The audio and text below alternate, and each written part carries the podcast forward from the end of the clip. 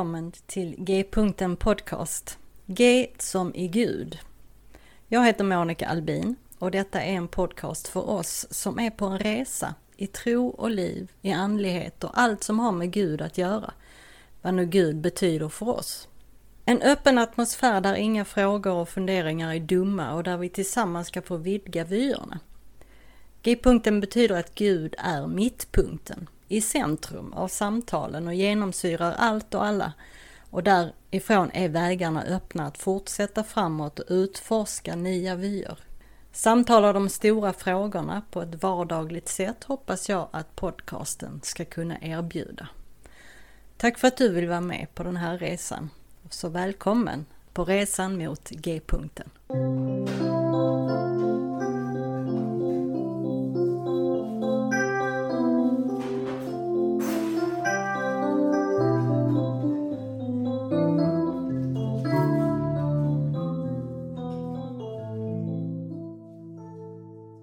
Hej och välkommen tillbaka till G-punkten Podcast. I dagens avsnitt så träffar jag Esther Getz och Liz Ans Petters. Äntligen fick vi ett samtal med oss alla tre. Liz och Esther de driver tillsammans podcasten Deconstructing Mamas. Och Esther var med här i säsong 3 avsnitt 5 och Liz var med i säsong 4 avsnitt 3. Då fick vi höra mer om deras berättelser, trosresor och så vidare. De har båda bidragit med varsitt kapitel i boken Deconstructing Hell. Och det är här där vår konversation idag handlar mest om. De brinner båda för föräldraskap och hur man navigerar uppfostran av sina barn i olika åldrar på ett positivt och tryggt sätt. Att, att ledas av kärlek och inte drivas av rädsla. Jag lägger alla nödvändiga länkar i avsnittsbeskrivningen. Och gilla och dela gärna avsnittet på sociala medier och till dina vänner. Följ podcastens Facebook-sida och blogg och skriv gärna dina funderingar och kommentarer. Som vanligt antingen i kommentarsfältet under avsnittet på Facebook-sidan eller kommentera på bloggen. Så välkomna att lyssna för här kommer då samtalet med Liz och Esther. Welcome back to Gay.en podcast, Esther and Liz. Thanks for having us. Yeah, thanks. It's so nice of you to want to come back and the, together this time. Uh, you've been on the pod before, Esther. You were on, uh, let's see, season three, episode five.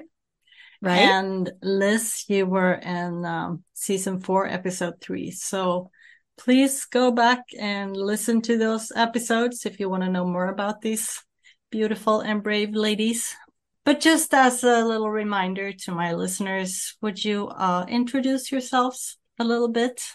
My name is Elizabeth Enns Petters, but everyone calls me Liz. Some of you might know my dad. He's kind of famous in the deconstructing world, Pete Enns.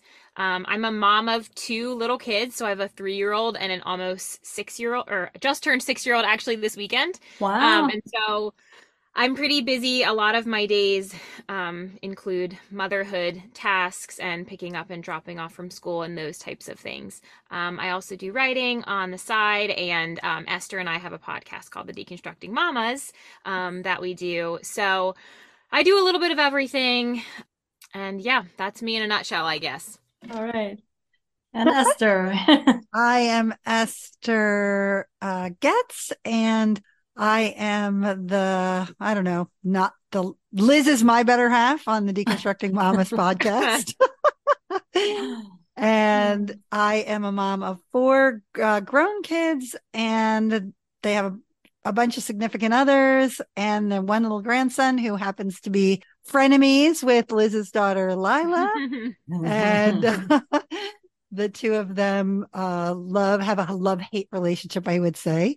But we uh, yeah, they are have a pretty little bit of like a sibling relationship. I feel yeah, like little- they've known little each other like a sibling they, relationship. Yeah. yeah, yeah, since yeah. they were teeny teeny, but they're they're really fun. I am pretty passionate about spiritual wholeness, and so in the last several years, I've kind of gone on a deep dive to unpack my spiritual journey to see what I would like to keep and to see what I would like to toss as far away as possible.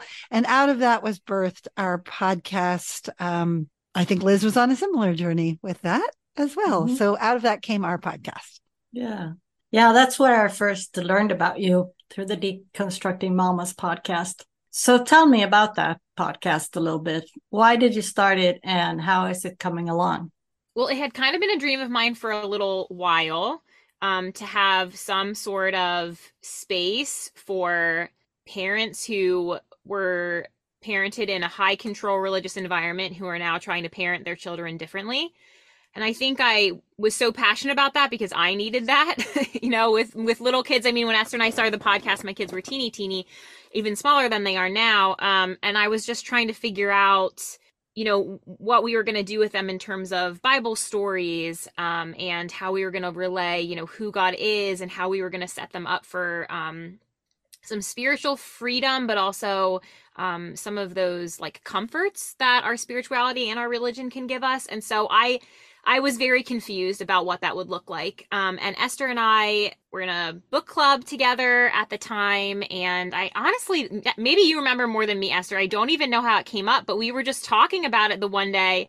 And Esther was like, well, I would do that. Like, I would do a podcast about that. You know, like we need that. And so um, we did and it's been really great. Esther, you know, Esther has grown kids, and so she there's things that she did that she wishes she would have done differently that she's very open and honest about. Um, and then I'm just like in the thick of it right now, just trying to figure out like what the heck I'm doing. And so I think um, it's been a really good relationship where we're just learning and growing. And so we have guests on our podcast that we want to hear from, and Mhm. um, hopefully, you know, we just wanted to create a safe space for people who are on similar journeys because it's really hard to be reparenting yourself while also parenting your kids um, and just trying to figure out like what that's all going to look like Yeah. Yeah. And I would add it's uh it's really for people who um are trying to like figure out what they're going to do now that they don't have that they've gone away from a high toxic Mhm. and controlling religion and what are we supposed to do any of us how are we like Liz said how are we supposed to reparent ourselves which is a huge thing because we can't give anybody else what we don't have inside of us. So, in order to give to uh, our kids, our partners, our friends, whatever, we need to know, you know, we kind of need to have un- unpacked it already ourselves. But Mhm. it's also like a never ending journey, right? Yeah, right. Yeah. Exactly. So it's, and that's the mo- the best thing about it is we're kind of building the plane as we fly it and Uh-huh. it's gone better i think than we thought i think the space is much needed and so we both needed it i needed to unpack uh just all my regrets Mhm. yes. Yeah. Yeah. Yeah. and say wow like i know you can relate to that monica just all the mhm. things we wish we had done differently and to Right. give my own self some tenderness and grace and so it's been really good for me and it's really good for me to have Liz gives me so much hope that it can be done really differently. Right. And that's the beauty of the two of us, I think, in the podcast space is that she is kind of like doing the thick of it. And I'm kind of there for the people who are like, oh no, what do I do now? But most of us maybe will end up with grandchildren at some point. Mhm. We want to make sure we're doing that differently as they're growing up too. But there's also years like the teen years. I'm really passionate about parents of teens and young adults. And I, and so like just speaking into that, what do we do when we need to change? When we're Mhm. changing course and our kids are kind of watching that play out. Hmm. Right. And all the forgiving, uh, or the you have to ask your grown-up kids for forgiveness and Right. for everything you did and said. And Yeah. yeah, well, it's a great podcast, and I'm gonna put the links in the show notes, of course. Uh, but in the beginning of this year, I think it was, I bought this book called Deconstructing Hell. and um, you both have uh, contributed with each with the chapter each. Uh, so let's let's talk about this hot topic. No pun intended. Yeah. Hot. Very Yeah, hot. Yeah, yeah, hot. burning hot topic right, right. Um, I'm going to start with you, Liz. Uh, I will read what you wrote at the beginning of your chapter.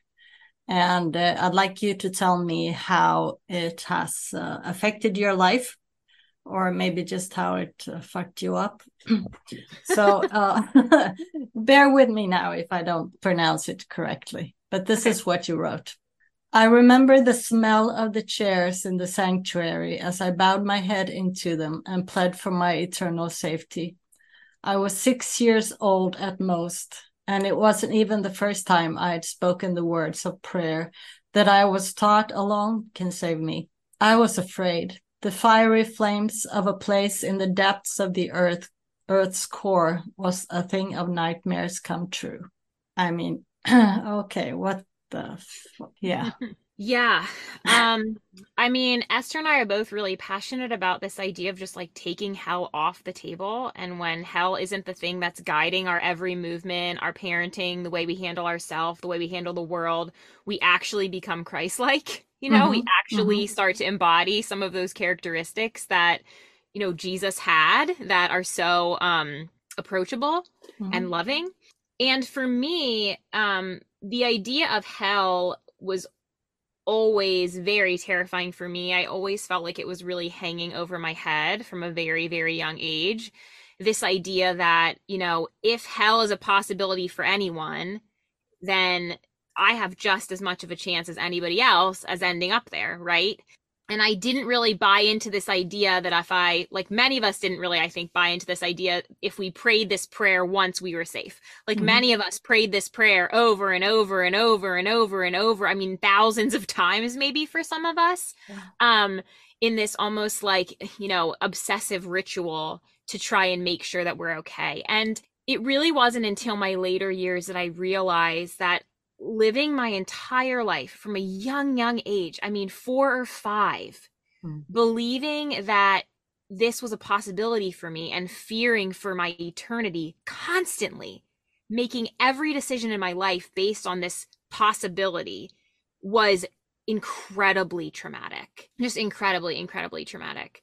And I think outside of even my belief, you know, that hell is does not exist as this place of eternal conscious torment, right? Even if you do believe that on some level, it is completely inappropriate for a child mm. to absorb that information. Do you know what I mean? Like, even uh-huh. if that's a belief system you have, and that's something I'm very passionate about, is like, regardless of what your beliefs are, regardless of how, you know, how conservative you lean, regardless of any of that, like, please can we look at child development and and not push these doctrines on them at young ages that actually incredibly affect their mental health down the line. Yeah. Um, and so I'm I'm passionate about that, and I think I've leaned I've leaned with my kids towards doing very very minimal um, religious stuff mm-hmm. um, because I would rather do less than you know scare the shit out of them and and really affect them in yeah. that way. Yeah. So really how how and when did you realize that this about hell wasn't necessarily true, do you think? Mm. I think it was something that I I was questioning a lot of my life, but I was really too scared to question it, right? Because what if mm. you're wrong and you're questioning hell? So mm-hmm. that's scary. Um, and it was it was probably in so I'm 33 now. It was probably in my early to mid 20s that I really started feeling like this doesn't make any sense at all. And then I started to really look into this idea um, even more. You know, does mm-hmm. do all Christians believe right in this place of eternal conscious torment? Are there other options out there? Can you mm-hmm. believe other things? Um, and just started to let go of it like little by little. And I think there's still that knee jerk reaction. Like I remember, and I people ask me about this now, like, how did you just let go of it? But there's definitely this knee jerk reaction that happens for a while where you're like, oh my gosh, you sort of start to panic. You're like, mm-hmm. but what if I'm wrong? Mm-hmm. What if I'm wrong? Like you take kind of two steps forward into this new space and then you go back a little bit. And I that's just part of the journey because it's trauma. It's mm-hmm. it's you know, it's it's in your core that this is true. So um yeah, I mean, I, I think over the years, you know, since that time, the last, you know, eight years or so, I have just managed to kind of completely let it go. I don't have a lot of times where I really fear that at all. Mm-hmm. Um, it it feels like an abusive doctrine to me, um, and it doesn't feel like it's in line with who God is. not not even just the, the god of you know my soul but the god of the bible like it doesn't actually mm-hmm. feel like it really fits into who who the god of the bible is and so um yeah i just don't believe it anymore.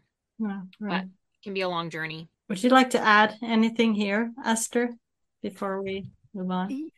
Yeah i guess i would just say uh, along with liz i had that same fear of hell and i was thinking about it. There's been some rapture talk recently in the last couple of weeks and i was thinking about how those two doctrines combined if hell wasn't good enough for scaring everybody because you know maybe mm-hmm. teenagers would be like i'm not going to die anytime soon. There was always the rapture you could throw in right. you know? So it, it's like just fear fear fear fear fear. Uh-huh. just trying to convince people that they are doomed if they don't do x y z that you've deemed them. You know you you've said this is the way to stay out of it.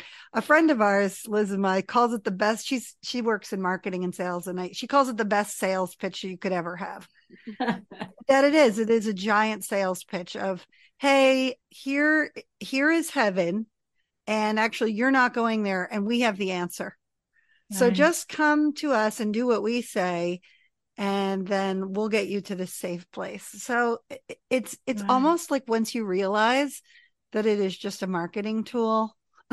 yeah. it's easier to let go of. But for children, especially me, I, I, I can't. I just, it's, I was tortured by it, absolutely mm-hmm. tortured by the idea of hell. And I bought into it and I loved it so much. I was, I, my job, my entire mission was to keep people out of it. So, yeah. But, you know, like this marketing idea, that's a, a the way many churches are just built on that. We have the answer. You come to us and, and we'll get you to heaven. mm-hmm. Right. Right. Now, Liz, you're, uh, as you said, you're a parent yourself and you have two beautiful children. And uh, I know that you don't want to give them the same trauma, like you said, he, that that uh, was given to you. So how how exactly do you navigate that? Yeah. Um I think I've just let go of some of the agenda for my kids. I mean, not completely, right? We just we always have an idea of what we want parenting to look like and what we want our kids to look like and what we want their lives to look like. Um, but I think I've I've really tried to let go of, of the agenda of the things that I'm sort of pushing in their lives and really trying to listen to them you know mm-hmm. listen to what feels good for them listen to how they want to spend their days listen to the ways that they feel you know god in their own lives and and they might not be able to articulate it that way mm-hmm. but um you know my kids both like love to be outside so when they're having a hard time or they're dysregulated we go outside, you know, into the sun. We ride our scooters, we jump on the trampoline, we do some of those things, and that there's a such a spiritual connection for them to being outside, digging uh-huh. in the dirt, like those types of things. Like they love that, and so being able to see that that's important to them and that their soul kind of comes alive when they're there to me feels like a spiritual leading you know and that's that's what i feel like my job is as a parent mm-hmm. um I also just spend a lot of time trying to understand them emotionally, trying to support them emotionally. I think that's a piece that we miss when we're worried so much that our kids are going to end up in hell. Um, you know, or or that they're going to leave the faith or turn away from God. We focus a lot, I think, on obedience and making sure that they're in step with, you know, with God. Um, and we forget that there are these little people in this really crazy world with really big emotions and things are really scary and they just want to be heard and seen and listened to. And so those are the things that I have put as most important in my parenting journey. Obviously, I don't do it right all the time but those are the things that i focus on so mm-hmm. the things that are secondary to me is like making sure they know bible stories like i don't think my kids know any bible stories um, except for maybe you know the, a kind of like a simple version of like you know the nativity and mm-hmm. you know those types of things but we're not like sitting down reading jesus storybook bibles um at this point in their life so you know they don't they just don't that doesn't feel important to me at this stage. It just doesn't feel like they need to know that. We we talk about god in some senses. My daughter asks a lot of questions about god. She's very interested in the idea of jesus as a you know as a person who lived a long time ago. Mm-hmm. um so that for her is like a really great segue. Like she asked me these questions about jesus and who jesus was and i can talk to her about like what we can learn from this person who existed. Um and that's really great and wonderful but again i'm not like pushing it. I'm not sitting down and saying like we need to talk about jesus because if we don't you're going to miss this really big thing that you need in your you know it's like it's just not we're not pushing it. We're just um and my kids are still young so i obviously haven't really seen how this has played out but in the little moments when i'm hearing my kid you know talk about their fears when i'm apologizing for the ways that i've done things wrong you know when i'm doing these sort of little tiny when I'm making these sort of like little tiny shifts in the way that I parent versus the way that I was parented or you know um mm-hmm. I I see I see the benefits. Mm-hmm. You know, I yeah. see the benefits and I see the importance of it. Um and so those are the things that, you know, those are the things that I'm focusing on right now. Yeah. Mm. It's you're right about gentle parenting. Yeah. Uh, the, about the words empathy, respect, understanding and boundaries Mm. And I guess that's a little what you were talking about here. You you have empathy for your children. You can understand what they're saying. Yeah, um, I think the relationship is more important than anything. Um, mm-hmm. and so that's that's kind of what I wrote about in in um in deconstructing hell. I kind of wrote about you know what we can learn from this idea of gentle parenting and just mm-hmm. really the importance of relationship and the importance of like getting down to somebody's level and just being able to be there with them. Mm. Um and how that's just so much more important than having an agenda or feeling like you need to control people's way of thinking um, or even just like living out of you know living out of fear it's interesting that, yeah I, I, it's interesting that uh, liz is talking about all of this too about younger kids and we had somebody on our podcast named Meredith Miller, and mm. she is just fantastic when it comes to this stuff about kids. Like, how do you approach it? And I actually, believe it or not, get her emails. And one came in this morning that was so powerful. And it was talking like, how do you do these complicated theological things with kids when they ask questions? What what do you do? And she has something called which like let's take let's take hell. They might hear it from somewhere. They might hear somebody say what the hell?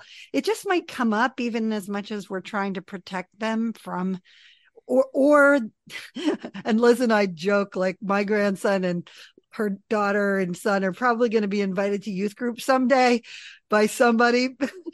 And and we'll have and We're then you'll have like, to no smoke weed in the parking lot but don't go to the youth group. Yes. So yeah it's just a funny but I, I just i was laughing at that but meredith miller had a really good thing. She calls it spiral learning and uh-huh. spiral learning is when a kid asks comes to you with a question about this like okay mommy i heard about hell and we have a friend who was going to a little Christian school, and her school told her at six years old it was the place of nightmares. I mean, talk about trauma for a kid. So I think she came home, and I, I love Meredith Miller's idea uh, that we we do something, we answer really with simple and small on purpose. Like, what do you think? Or just something like, oh, certain people believe that.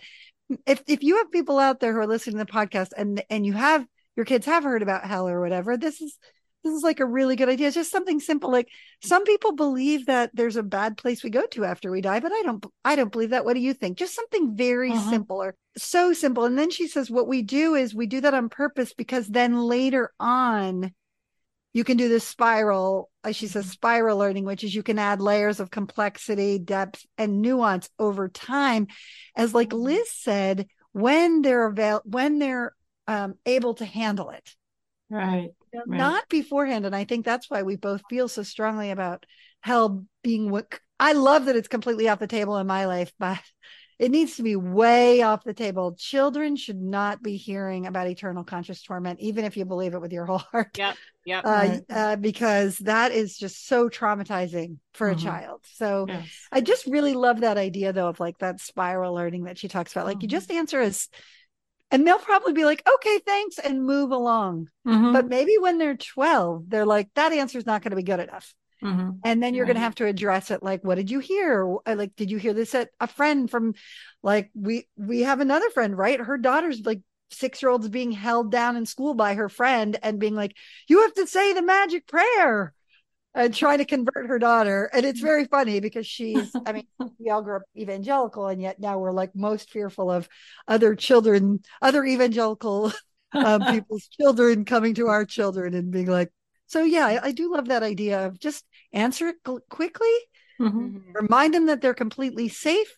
Mm-hmm. And yeah. that's not what you believe. And then you can just move on. And then when it gets trickier later on, mm-hmm go you go age appropriately to where they go. And i love liz's liz's whole mission is to help it's his, her desire mission is to help her kids feel safe. Yeah yeah yeah. Which is so powerful when it comes to this un, un, undoing what's been what was done to both of us. Yeah because uh, you end with a gospel of hope. And i love that you do that. And uh, if you can pass that on to your children, then you're good. because again, you're right. All the love, safety, and security of the healthiest relationship we could ever imagine, that is God. That is the hope of Christ, the hope of eternity, the hope that needs no hell to back it up. That's yeah. beautiful really. And i must tell you i i follow you on instagram and i remember you posting a video a short video with your daughter uh, a while ago where you asked her what is god? And she looked at you and she said she is safe and I was like, yeah. oh my God. yeah, was... Lila, um, she always refers to God as she, which yes. I love. Like unprompted, mm-hmm. right? Like, I mean, I, you know, I believe God to be non-binary, but I don't necessarily push that on my kid, you know, it's like, but she always refers to God as she. And the first time she did it, I really do think I cried because yeah. God is who she feels God is inside of her. Like that's so beautiful. Like not, you know, not held up by all these constraints of like, you know, culture and and religious upbringing. It's just literally like God is within her and she, mm-hmm. and God feels like she and mm-hmm. God feels safe. Like right. the end. To me, right. that's I mean, like Esther said, and I appreciate you saying that, Esther, because it it's it is so true. Like I just want my kids to feel safe. Mm-hmm. I mean that we all need that, right? But especially as a little kid to feel safe and loved and and heard is so so important and what we're teaching our kids about God on a general level as evangelicals is not that.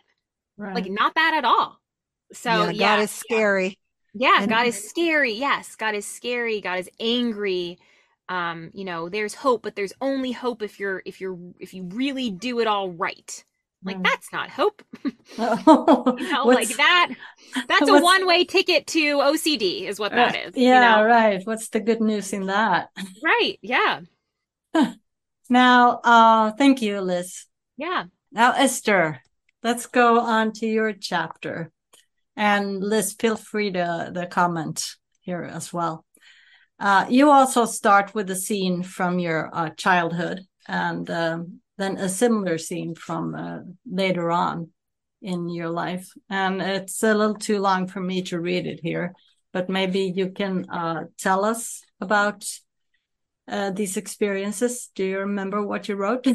Yeah, I mean, I think the first thing was, I, you know, I'm, I was a missionary kid, an evangelical missionary kid, and I just remember, um, you know, being on my bunk bed in my dorm, just praying the magic prayer over and over and over and not being sure, like Liz said, whether or not it was it was done correctly or done right so that I would mm-hmm. stay out of hell. And yeah, it was it was very traumatizing, I guess, as I look back at that. I think, wow, I just I, I must have said it every night. And then I was pretty sure that if I misbehaved during the day, that I had to say it again. And I remember writing down in my Bible when I was 12, the final time, January 25th, 1979, that I said the magic prayer and I wrote it down because then I would know if I was ever doubting any other time, I could go back to my Bible and see it. And that just all does, like Liz said, feel very OCD and not, mm-hmm. not genuine. It just feels like this is what I need to do to feel safe. Mm-hmm. And that was the most primary thing to me. And then what happened to me is about five or six years ago, my sister in law passed away.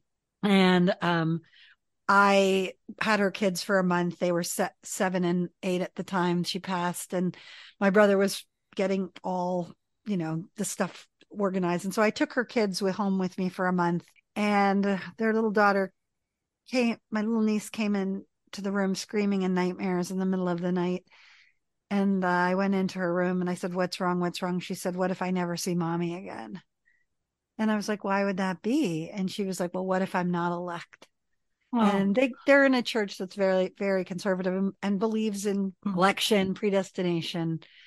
And all I could think about was I just started to cry.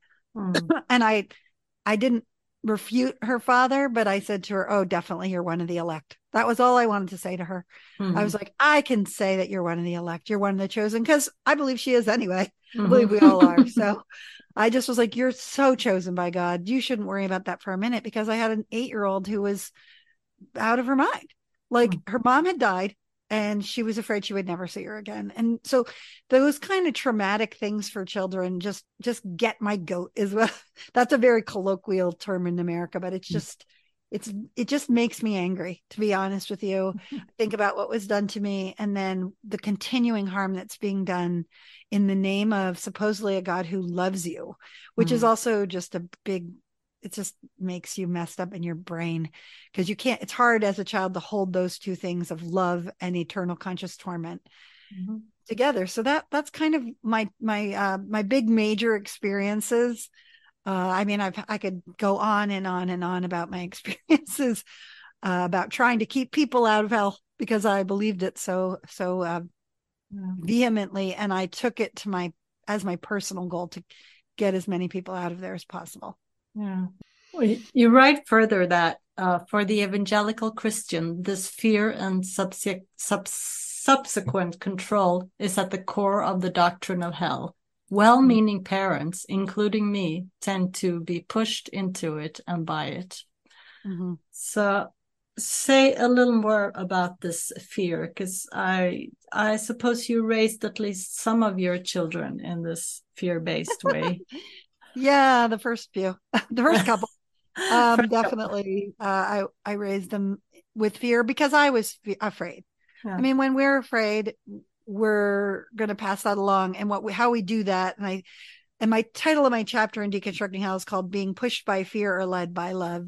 Mm-hmm. And that has just been a big mantra just in my daily life. And when, especially when it comes to theology, I think now, and, and then the most scary thing other than the rapture was also scary but uh, the most scary thing for me as a kid was uh, hell. And so what do we do when we're afraid? I do it now. Mm-hmm. we try to control the situation. Yeah. they're like best friends right? Fear and control. Yeah.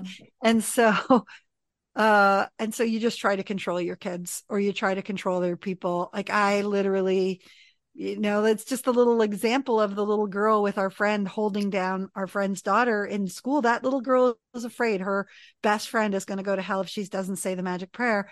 I had my 8 year old hold my 4 year old down in the back of our car and and just be like say it say it say i confess my sins and jesus is lord and i accept him as my savior.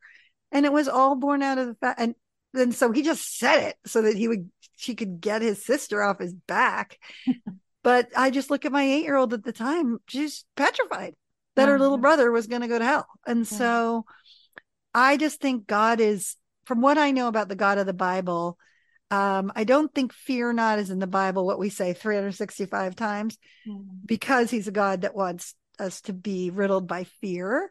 Right. And I don't see that as love. I don't see, I don't know if you can have fear and love in the same sentence. I mean, I'm not saying you wouldn't have healthy fear, but I'm talking about toxic fear right. um, that's harmful, not for our bet our good. But that's the tricky part about this is everybody would say, including me, well, I don't care if I make my kids afraid as long as I've got them, as long as they're safe when it comes to eternity. Yeah. And that is just horrific. I mean, that is, I just can't picture Jesus doing that. Like mm-hmm. making a kid afraid so that their eternity is settled. It, it just mm-hmm. feels disgusting. Like that just mm-hmm. feels like a that feels like a um, narcissist and a child abuser to me at this point.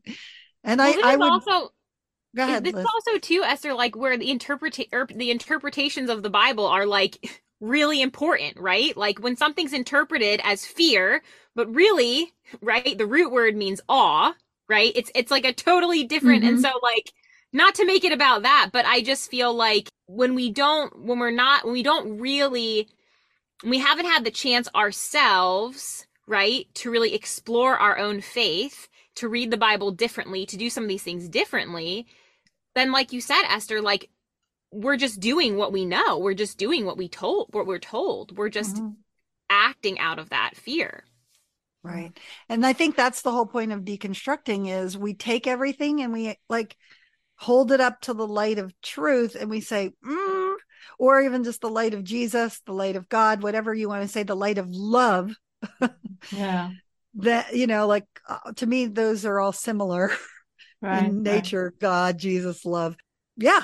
Like, does it really hold water? And right. the doctrine of hell definitely doesn't hold water in light of love.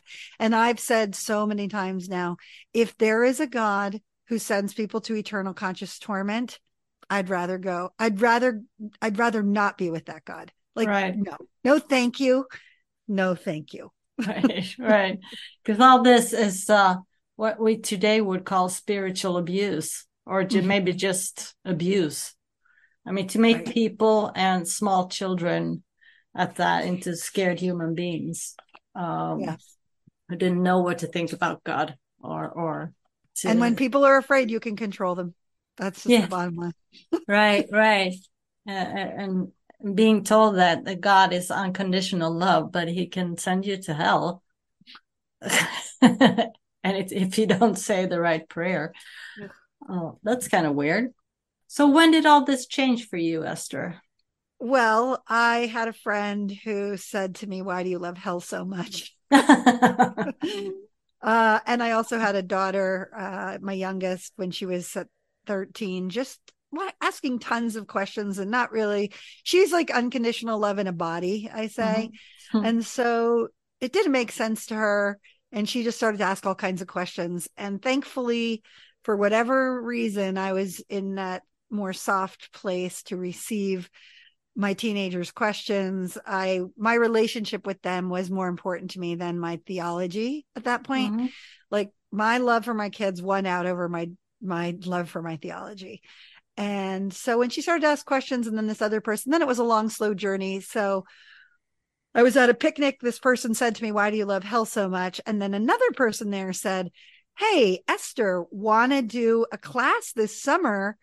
Uh, there's this guy, Pete Enns, who's Lizz's dad, who's doing this online class and they're reading a book called Raising Hell. Maybe that's something you and I could do together.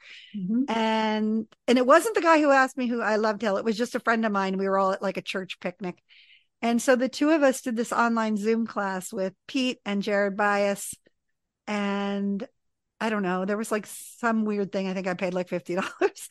and mm-hmm. my friend and I took this class. And by the end of that class, I was like, that, yes, no, I, I it was really great permission for me to be like, I don't have to believe this.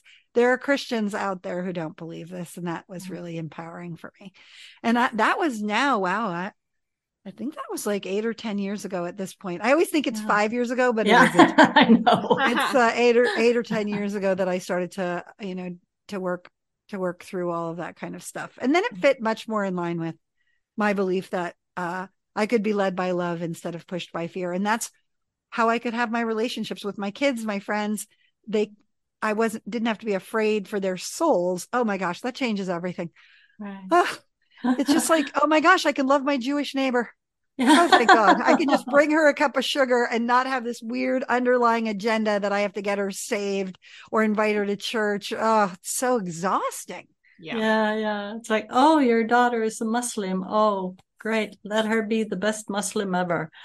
You know? right. But are your uh, children following in your deconstructing hell footsteps? Um, definitely. Uh, my oldest, who uh, was led by fear or pushed by fear, uh, she is in our book club. She is unpacking all of that along with me. We've kind of gone on this journey together. My second born, I would say, he probably still holds to some level of it. Uh, he's more of a black and white thinker. But I think that if I really asked him and I talked to him about it, he probably doesn't believe it in the core of his soul. He probably thinks he's supposed to. And then my third, pro- the one that was held down in the back seat, uh, he's just too logical for all of this. And he is probably the biggest reason why I even just deconstructed my faith. I mean, he said things to me when he was a teenager, like everything in the Old Testament, all those people who heard God's voices, if you put them in a courtroom now, they'd be like labeled as schizophrenic. And I was like, so I don't think he ever believed any of it. And then my my baby, uh, she's the one that started to ask all kinds of questions. It just didn't fit with her, so I don't mm. think she ever ascribed to it. Um, and so great, yes. So I think we're all my husband, my spouse, my partner. He's also on the same page, which makes it really helpful. Yeah, really, really helpful. Yeah.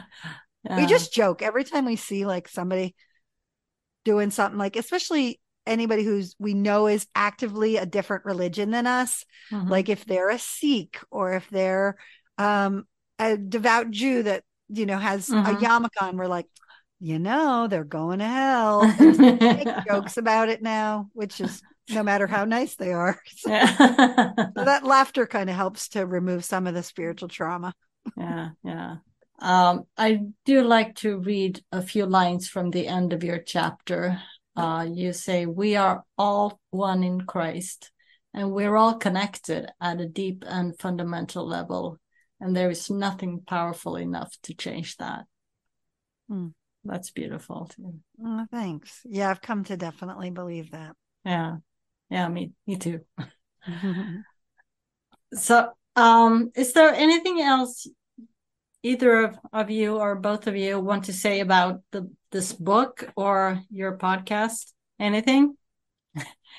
Hmm. Hmm. oh, that's. I mean, I could question. talk all day on hell. Yeah. well, go ahead. I mean, I would say I really appreciate the person who put it together, Chad. Yeah. He he's coming on our podcast in a couple of weeks, oh, and oh, he, uh, just his presence was really helpful. And the book is very varied because there's 14 authors mm-hmm. and we all kind of give our slant and permission i think for us to all be in whatever space we were we are in yes. is huge. And that's one thing i think that we want to do on our podcast too is we have people that come on our podcast that totally identify still as christians and and then we also have people that are really almost at the other space where they're not quite sure where they are anymore. Uh, and Lizz and I are probably somewhere in the in that spectrum. yeah. And uh, but I do really, really appreciate the ability for voices to come to the table mm-hmm. and talk with respect and humility. Yes. And um, grace. And it's probably, and I always just can't toot Lizz's horn enough, but she's been a real big teacher for me of that. Like we we come and we discuss things. We come and we talk about them. We come and we have humility and we come and we have grace and space and love for one another and letting people be wherever they are on that journey and not judging people who are like uh, are like our former selves. That's the hardest part i think about this oh yeah yeah. journey is not wanting to convert right. the people who are like who we used to be and letting them walk their own journey mm. to wherever they're going to go. Does that mm-hmm. make sense? Yeah, yeah. Absolutely. It's hard. I don't know what you would say about that, Lizz. Right? Is yeah, it's hard. I mean, it's hard because uh, you know at times those are the people that are that hurt you know hurt me the most and hurt esther the most right? These people mm-hmm. who are back where we used to be who are threatened by our journeys who they might be friends of ours who are now you know have decided they can't be friends with us. You know we've we've both had a variety of those kinds of situations and um you know they're really really painful. It can be really painful. And it's such a fine line i think between holding someone accountable for hurting another person right? Which we see happen we see that play out in in many areas, but specifically we're talking right now about right like evangelical faith or high control religions where there's a lot of like people hurting people in the name of God. And so there's that fine line where you really want to hold those people accountable for the things that they're doing, right? But right. then you also want to find grace for them and their journey and the reasons why they feel like they need to do that. And so it can be hmm. it can be really tricky, it can be such a fine line, but I think one of my favorite interviews I've ever had was with an atheist yeah. Um, and Esther Esther talked to him too, I think, right? Um, Mm-hmm. and because I didn't feel like he was trying to convert me to atheism necessarily, right? I just he just asked a bunch of questions and he pushed back on things that I said and I pushed back on things that he said and it was just like, "Hey, let's talk about this." And Mhm. nothing changed for either of us by the end of the conversation. We were both just like, "Well, this is who we are and this is where we are." But we had a very open and honest discussion about that. Um and I was like elated after I got off that interview. I was just like, "Oh my gosh, like this can exist." this can exist. We don't need we don't need each other to believe anything. You know what I mean? We just Yeah. need to we just wanted to talk about it. We just, you know, um and I thought that was really cool and I still really believe that there can be a space like that Yeah. that we can call church maybe Yes. one day, right? Where we can just all come together and we can have different theories about things and different questions about things and um and there's just space for that. There's just space for humanity and there's space for um thinking. Yeah, it's I, I agree with you, Lizz. It is such a tricky we we always call it the tricky tightrope that we're walking Yeah, yeah. because we do want to call out harmful systems hmm and harmful doctrines and things that we believe are really toxic and going to bring great trauma and not what I said at the beginning. My passion is toward the spiritual and mm-hmm. mental and physical wholeness, like just mm-hmm. human wholeness. And it's also, we want to be careful that we're not calling out individual people because they're sad. It's so sad. They're me from the past who was just stuck in fear.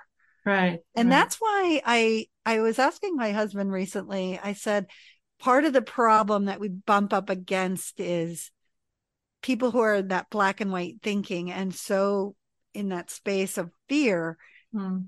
it is very difficult for them to allow us to have a different opinion because they believe we're going to hell.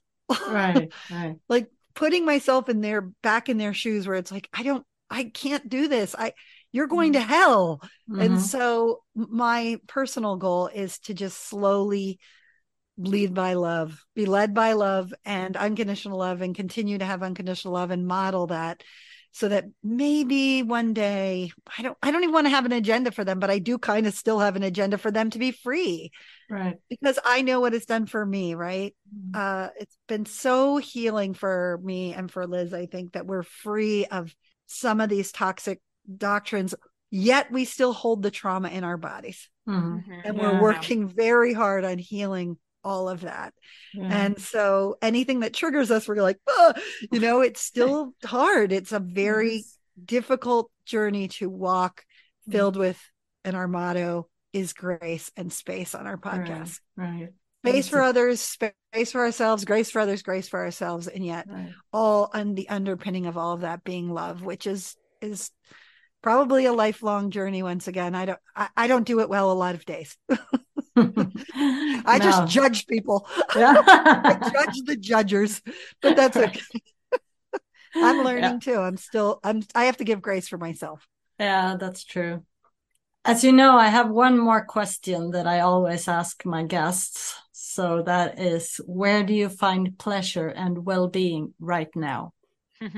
Who wants to go first? I'll go first. Yes.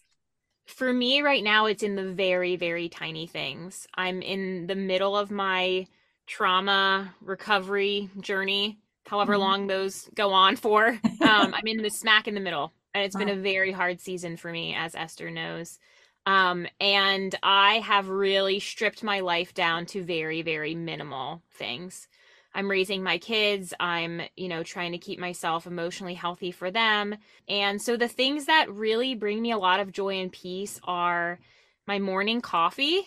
I love my morning coffee. It just makes me so happy. I sometimes go to bed the night before dreaming of my morning coffee. And it's very simple. It's like coffee and cream. Like it's nothing crazy, but I just dream about it and I love it. It makes me so happy. Um reading books, like novels, not academic books, novels Mhm. um, mostly historical novels I really love, and taking really slow walks, sitting in the sunshine, um, stretching my body, like very tiny, tiny little things. That's what Mm. I'm doing right now. So there's big dreams that I have and big things that I love, but in this season, that's not that's just not what I'm doing. So those tiny things have been really, really great for me. Mm. Good. Nestor. Yeah, for me, I we had uh, somebody come on our podcast recently called Mary DeYoung, and she talked about rewilding your soul. Oh, that's right. And that's been a really big for me. And going back into nature and spending time in nature, I was traveling a lot recently, and I came home and I was wiped out from two weeks of traveling, and I didn't really go outside. And then yesterday, I was like super jittery, and I was like, oh. I need to go on a walk. I need to be outside in nature. And I do these things that she talked about and I do them all the time and I post them a lot on my Instagram now. I do these like rainbow walks where I'm constantly looking for the color of the rainbow. Mm. And yesterday it's fall um, in the northeastern United States. And so the leaves are just beginning to change. And I was oh. walking around a pond and I thought, let me do a nature walk. Like I was just walking and I found all six colors in about 20 feet. Wow. And I thought, wow, it just is so powerful for me to to practice the pause, as I like to say, to stop mm-hmm. and think like, and nature's a really good place for me to do that. Yeah. I, it's hard for me to practice the pause in my house. I have too much going on, sitting at my laptop doing work, editing podcasts, writing, all that stuff. Uh, mm-hmm. it, it's much harder for me. The only other time I do it is on Sunday mornings. I have a cup of tea, Earl Grey tea with cream and sugar, and I read Thich Nhat Hanh's book this summer called You Are Here. And he talks about doing things with our whole selves. Yeah. And um, that's the other time I really practice the pause. And that's really good for me is to drink my cup of tea on Sunday morning with my whole self. Hmm. Hmm. Like I, I, my husband said, "Oh, do you want me to make your breakfast?" And I was like, "No, hmm. no, drink my cup of tea with my whole self." And that's kind of one of those practices I've put into my life: the rainbow walks, and then drinking my cup of tea. And like Lizz said, I think we think it's all about the grandiose, yeah. Right. and it doesn't really turn out to be like that. It's not. Our our podcast makes us come alive. We love doing it, yeah. but when the nitty gritty comes down to it when mm-hmm. we're all by ourselves and there's nobody else there. Mm. It's the small things that really hold us. Yeah, yeah. And hold me. And I guess we're both on the same page right now. Yeah. Right. Oh, that's beautiful. Well, thank you so much for wanting to come back. Oh, you're welcome. And uh, well, I might call on you again further down the road. Yeah, we love coming. Yeah. Thank you. Yeah, thank, thank, you, you for so having much. Us. And uh, well, take care of you both and keep up the good work. Thank you. Uh, bye. Ja, ett härligt samtal med två modiga och vackra kvinnor. Idag vill jag avsluta med en bön för barnen. Vi ber för barnen som sätter kladdiga chokladfingrar överallt. Som gillar att bli kittlade.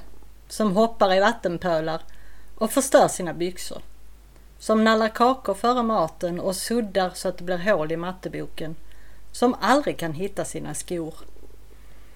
Och vi ber för dem som tittar på fotograferna bakom taggtråd. Som inte kan springa längs gatan i nya joggingskor och som aldrig har räknat potatisarna på tallriken. Som föddes på platser vi aldrig skulle besöka som aldrig får gå på cirkus och som lever i en barnförbjuden värld. Vi ber för barnen som ger oss kladdiga kyssar och en näve full med maskrosor. Som sover med hunden i sängen och begraver sina döda guldfiskar. Som nästan inte hinner kramas och som glömmer matsäcken. Som täckt hela kroppen med plåster och som sjunger falskt. Som klämmer ut hela tandkrämstuben i handfatet. Och vi ber för alla dem som aldrig får någon efterrätt. Som inte någon snuttefilt att släpa efter sig. Som inte hittar något bröd att stjäla och som inte har något rum att städa. Vars foto inte står på någons nattduksbord. Vars monster är verkliga. Vi ber för barnen som gör slut på veckopengen före tisdag. Som kastar sig på golvet i snabbköpet och skriker efter godis. Som petar i maten, som älskar spökhistorier. Som glömmer smutskläder under sängen och som får besök av tandfen. som inte tycker om att få pussar inför hela skolan, som åmar sig i kyrkan och skriker i telefonen, som både får oss att skratta och gråta. Och vi ber för de barn vars mardrömmar sker på dagen, som är beredda att äta vad som helst, som inte blir bortskämda av någon enda människa och som går och lägger sig och gråter sig till söms, som lever och andas utan att egentligen finnas till. Vi ber för barn som vill bli burna och för dem som måste bäras. För dem som aldrig ger upp och för dem som aldrig fått en chans. För dem som vi kväver och för dem som griper vilken hand som helst som räcks åt dem. De är Guds barn, vart och ett av dem. Sköt om er allihopa så hörs vi snart igen. Hejdå!